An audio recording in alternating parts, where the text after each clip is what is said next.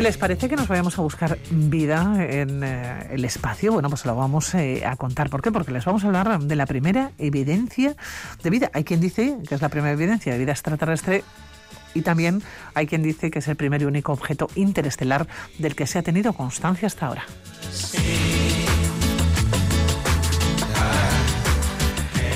Tiene un nombre impronunciable, así que se lo vamos a dejar a Javier Armentía, nuestro astrofísico particular y el director además del planetario de, Pamplona, para que lo diga. Como si yo supiera algo de hawaiano, pero vamos. Eh, es tremendo, porque, a ver, eh, eh, lo lees y sería algo así como Oh Mua Sí, que, sí, sí, sí, Oh Mua es muy bonito, no, no es fácilmente pronunciable, pero nos imaginamos todos ahí en, una, en las islas y así. Ay, eso sería maravilloso. A mí me pega porque como soy gordillo, pues es cosa de, ponerme del color adecuado. No, fíjate, es una palabra hawaiana que quiere decir el explorador lejano, el explorador que viene de lejos, ¿no? Eh, es un nombre muy bonito que le, que le pusieron allí en la Universidad de, Hawái donde operan un observatorio en, en que, que, que, tiene un sistema automatizado para buscar objetos eh, objetos del sistema solar. ¿no? Ahí estaba un astrónomo que es canadiense, que se llama Robert Beric, en octubre de 2017, ¿no? para que te hagas una idea, o sea, hace nada, tres años y algo, estaban ahí observando lo que hace este telescopio que se llama el Pan-STARRS, bueno, son, em, em, ya lleva mucha, una historia de muchos descubrimientos de cuerpos del sistema solar, ¿no? Lo que hace es eh, ir observando el cielo, diferentes secciones del cielo, por así decirlo, va sacando fotos del cielo y compara las fotos que ha hecho hoy con las que ha hecho ayer y en otros momentos eh, al cabo de varias horas y todo esto, y, y, ve si hay puntos que se están moviendo. Normalmente lo que, lo que saca en las imágenes son estrellas que están ahí al fondo, lejos, lejos de nosotros. De vez en cuando aparece algún cuerpo, sin embargo, que normalmente está más cerca, es decir, pertenece al sistema solar y, se va moviendo. ¿no? A partir de, esos puntos que observas, y usando pues una compleja batería de la mecánica celeste, podríamos llamarlo, de la matemática de la astronomía, pues puedes reconstruir un poco la órbita. De esta forma, pues se caracterizan eh, pues los, los cientos de millones de cometas o cientos de miles, casi millones de asteroides que hay en torno en el sistema solar, ¿no? Eh, lo que pasa es que lo que descubrieron en ese día, en el año 2017, era algo muy especial porque tenía una órbita extraña, ¿no? Por eso le llamaron Oumuamua. Por eso, bueno, ellos le pusieron un nombre de catálogo, pero pensaron al principio que era un cometa, porque vieron que tenía una órbita muy excéntrica, es decir, en vez de dar vueltas alrededor del Sol como la Tierra, más o menos en un circulito, en una elipse poco achatada, eh, tenía, tenía una órbita extremadamente eh, estirada, ¿no? De hecho, de hecho es una órbita que le hacía entrar hacia el centro del sistema solar, estaba cayendo hacia el Sol, pero no volvería, digamos que lo normal es que los objetos, como los cometas, ¿no? El cometa Halley, cada 76 años llega y llega cerca del Sol, mmm, vuelve, ¿no? da la vuelta al Sol eh, y la propia gravedad le mantiene en una órbita elíptica que eso que le lleva 76 años. Luego le lleva más allá de Saturno, ¿no? Pero en el caso de, de Oumuamua, no, eh, bajaba hacia el Sol, pasaba y pasaba tan rápido, con tanta energía, que su órbita era hiperbólica. Es decir, no iba a volver nunca y según pasó por junto al Sol unos meses después, empezó a alejarse y se alejará para siempre. Fíjate que es una órbita muy bonita, era la órbita más excéntrica de todas las que se habían descubierto. Claro, de momento estamos hablando del primer y único, ¿no? Sí. objeto interestelar del que se ha tenido constancia hasta ahora. En aquella época sí, sí, sí, bueno, claro, porque si decías de dónde viene, ¿no? Porque esa órbita que trae no le hacía venir de ningún sitio del sistema solar que es lo habitual en los cometas, ¿no? Tenemos una nube que se llama la nube de Oort alrededor del Sol y podría haber venido de ahí como algunos cometas nuevos, ¿no? Que son la primera vez que se acercan al Sol. Pero este no, este venía con más velocidad y se venía que, que venía de fuera.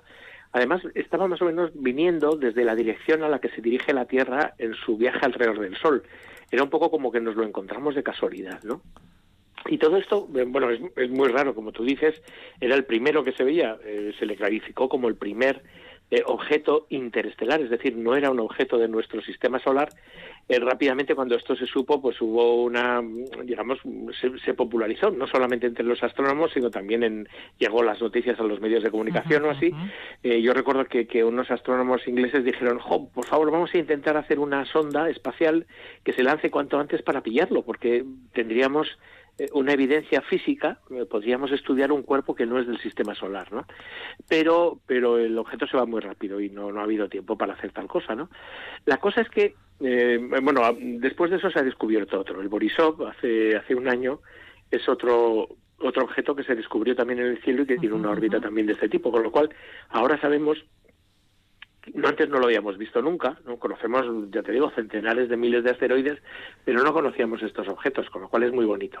Lo que pasa es que sigue siendo un objeto extraño. Fíjate, eh, es muy oscuro, solo refleja un 10% de la luz que le llega del Sol, tiene, tiene forma como de puro, podríamos imaginar, tiene unos 60 metros de, largo y, luego unos 20 metros en la parte más ancha de diámetro, una cosa así, ¿no?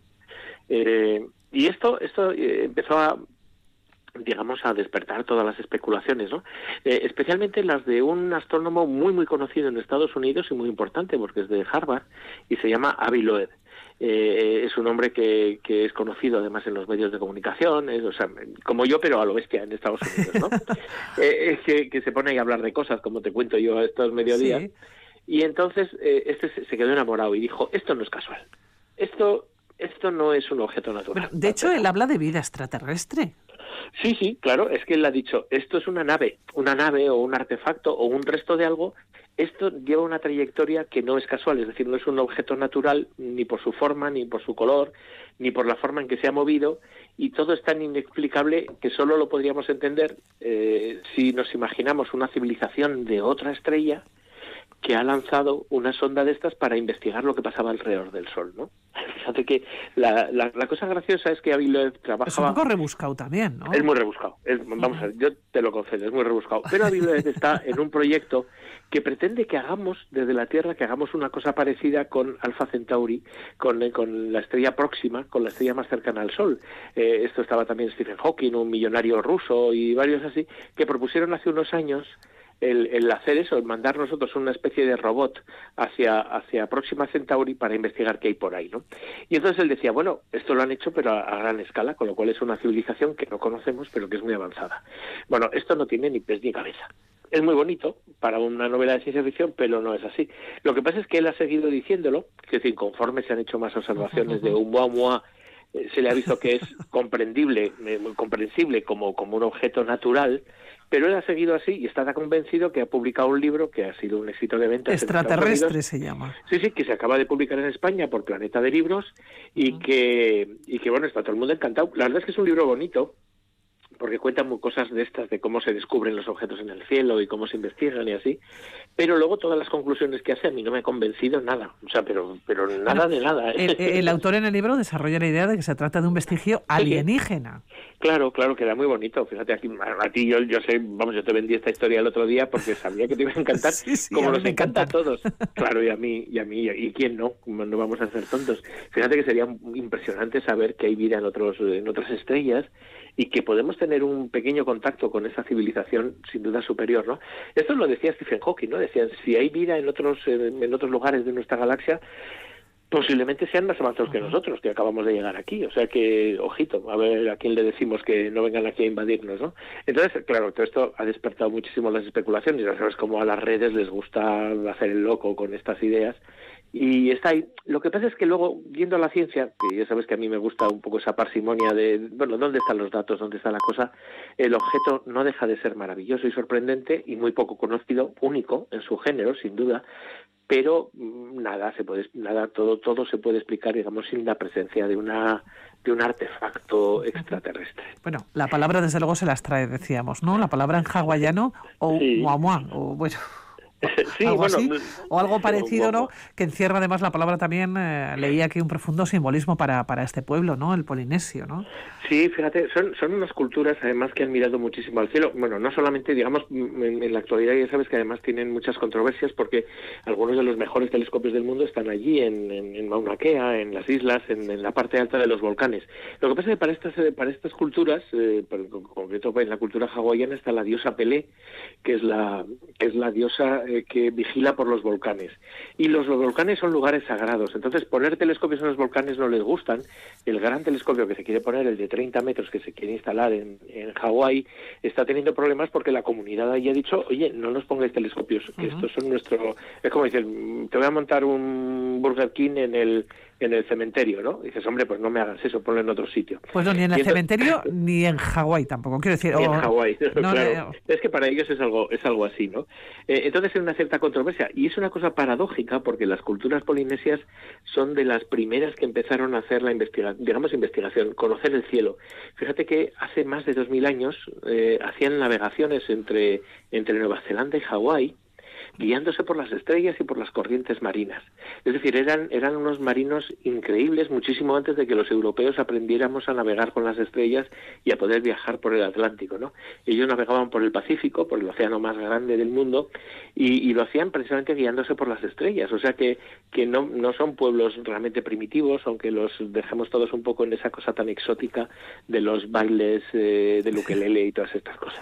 Bueno, pero son pueblos efectivamente que son muy simbólicos, además que que guardan además muchísima relación con la tierra y que seguramente además eh, hayan sido los mejores navegantes, dicen, de la historia, ¿no?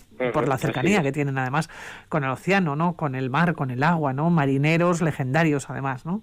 Sí, yo, yo creo que por eso cuando, cuando dijeron que le iban a poner de nombre Oumuamua, yo dije, qué bonito. Explorador, como, claro. Como, como Bayana, ¿no? Es como hacerte una película de Disney de nuevo. Una cosa Oye, por cierto, el libro extraterrestre, yo no sé si está teniendo ventas millonarias o se espera que las pueda tener, ¿no? Porque en cuanto es cierto que estos temas gustan mucho y eh, te encuentras a, aquellos que creen, que creen realmente, ¿no? El, que pueda ser un sí, a mí me, preocupa me preocupa siempre un poco el, el, a veces pasa no grandes grandes personajes de la ciencia que hacen libros que, que están un poco en el límite no son bastante este es completamente especulativo.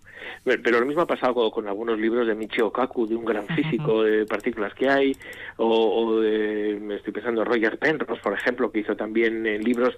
Eh, la parte de divulgación es muy buena porque son gente mm, científicos de primera magnitud y además que hablan muy bien y escriben muy bien en eso el libro mm, ya te digo que es muy recomendable.